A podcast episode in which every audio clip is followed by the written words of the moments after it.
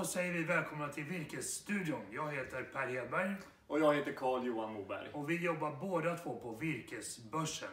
Du, jag tänkte vi skulle börja med kaoset kring Brexit. Vad är det som händer egentligen? Ja, det är väl för frågan om någon som vet egentligen Ja. vad som händer. Men det, det, det som är nu är att det är uppskjutet då. Ja, Det här beslutet och sista datum är ju sista oktober.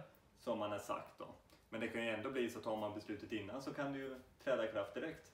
Men du, England är ju en väldigt viktig exportmarknad för våra svenska skogsindustribolag. Hur påverkar det här skogsbruket på lång och kort sikt tror du? Nej men som vi har nämnt i tidigare avsnitt så har ju skogsbolagen sett till att bygga upp stora lager borta i England liksom för att ha, ha virket på plats då, om, det, Ja. om Brexit skulle infalla då. Eh, och det är klart, det har ju innebärt mycket jobb, Ja. stora kostnader och st- både att, att bygga upp lager men även att få dit det liksom under kort tid. Men jag kan förstå att det blir stökigt på kort sikt med lageruppbyggnader Mm. och försäljning och så vidare. Men jag tänker också på längre sikt så borde ändå behovet utav trä och träprodukter vara förbli i England. Eller ändå en stor marknad. Ja, det är ju den viktigaste marknaden för svensk, Ja. för svensk trä. Liksom. Så att det, det kommer ju ändå på, på lång sikt kommer det vara en, Ja. en, fortfarande en viktig marknad för oss. Och sen är det klart att vadå, om det blir en Brexit så kommer man ju anpassa sig efter det. Liksom, bygga Ja. upp nya strukturer och de bitarna för att det ska få det att fungera. Efter den politiska oron i Sverige, då vi hoppar politisk oro och politisk oro här. Efter den politiska oron i Sverige så har vi nu fått en ny vårbudget på plats med den nya regeringen. Och den har vi en del intressanta noteringar också. Ja, men det är det ju. Och Vi går in och kollar på det som rör skog och lantbruk kan man väl säga. Eller Ja, jag landsbygd. söker alltid efter landsbygd tycker jag är så Ja, trevligt. ja. Och där ser vi ju liksom att nu så får man ju eh, 149,5 miljoner extra då Ja, eh, till skogliga den skogliga biten och Ja. det är ju till för att ja, men dels för eh, drabbade, markägare då ja. men även då för eh, naturvårdsinventering, nyckelbiotoper och de biten. Eh, är det ju. ja. Till. Och samtidigt ser vi att Skogsstyrelsen varslar ändå så pengarna Ja. räcker inte riktigt till Nej, kanske. nej, så är det ju. Och Sen var ju varslet bra mycket större än egentligen hur många uppsägningar som blev. Ja. Så det är väl tacksamt för dem. I Eller? budgeten kunde vi också notera lite grann kring bredbandssatsningarna och regeringens bredbandsstrategi. Mm. Vill du nämna någonting Mm. kring det också? Ja, men det finns ju ett uttalat mål att, eh, att 2020 så ska ju 95% av befolkningen ha en hastighet på 100 megabit Ja, per sekund hemma då. Och nu skjuter man ju till extra pengar här. Eh, för det stora målet är att 2025 att alla ska ha tillgång till minst 30 megabit ja. per sekund hemma. Och i det ligger också bra mobiluppkoppling Ja. över hela Sverige. Ja men precis och det, det, är ju, ja, men, det är ju så att det är livsviktigt att ha bredband ute på landsbygden Ja. så man kan bo och verka. En lite ledande fråga. Hur påverkar det här möjligheten att göra en bra och lönsam virkesaffär för de som bor ute på landsbygden?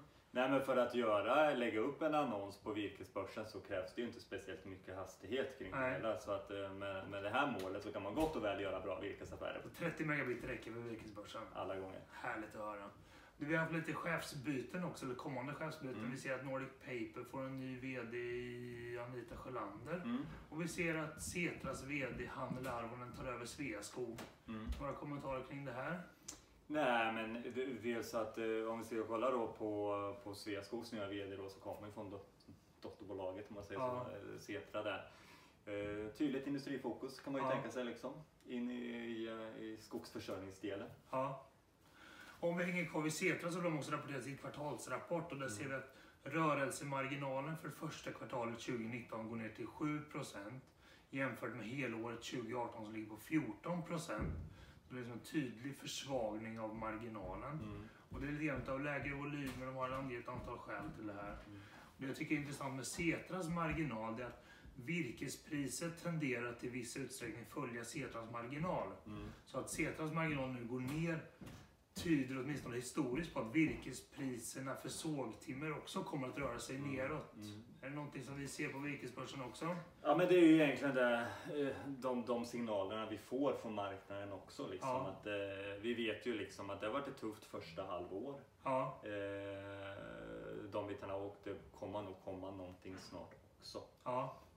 För vi har ju sett en del ner, alltså nedskrivningar av sågtimmerpriserna hittills. Åtminstone Mm. möjligt att vi ser fler av dem Mm. också. Då. Mycket möjligt att det Ja. blir så. Så det återstår att se om Setra blir en bra ledande indikator för den här Ja, marknaden ja. eller inte. Då. Det får vi återkomma till. Precis, och det kan vi ju se sen också när vi gör vår eh, kvartalsuppföljning. Ja, precis. Och vill man ha den här kvartalsjämförelsen då får man jättegärna skriva till oss på virkesstudion virkesborsen.se Och dit kan man också skriva om det finns förslag på ämnen som vi borde ta upp eller om man har kommentarer, frågor eller liknande. Då. Och med det tycker jag vi tackar för idag. Mm. Tack snälla Carl-Johan. Tack själv. Tackar. Tack hej.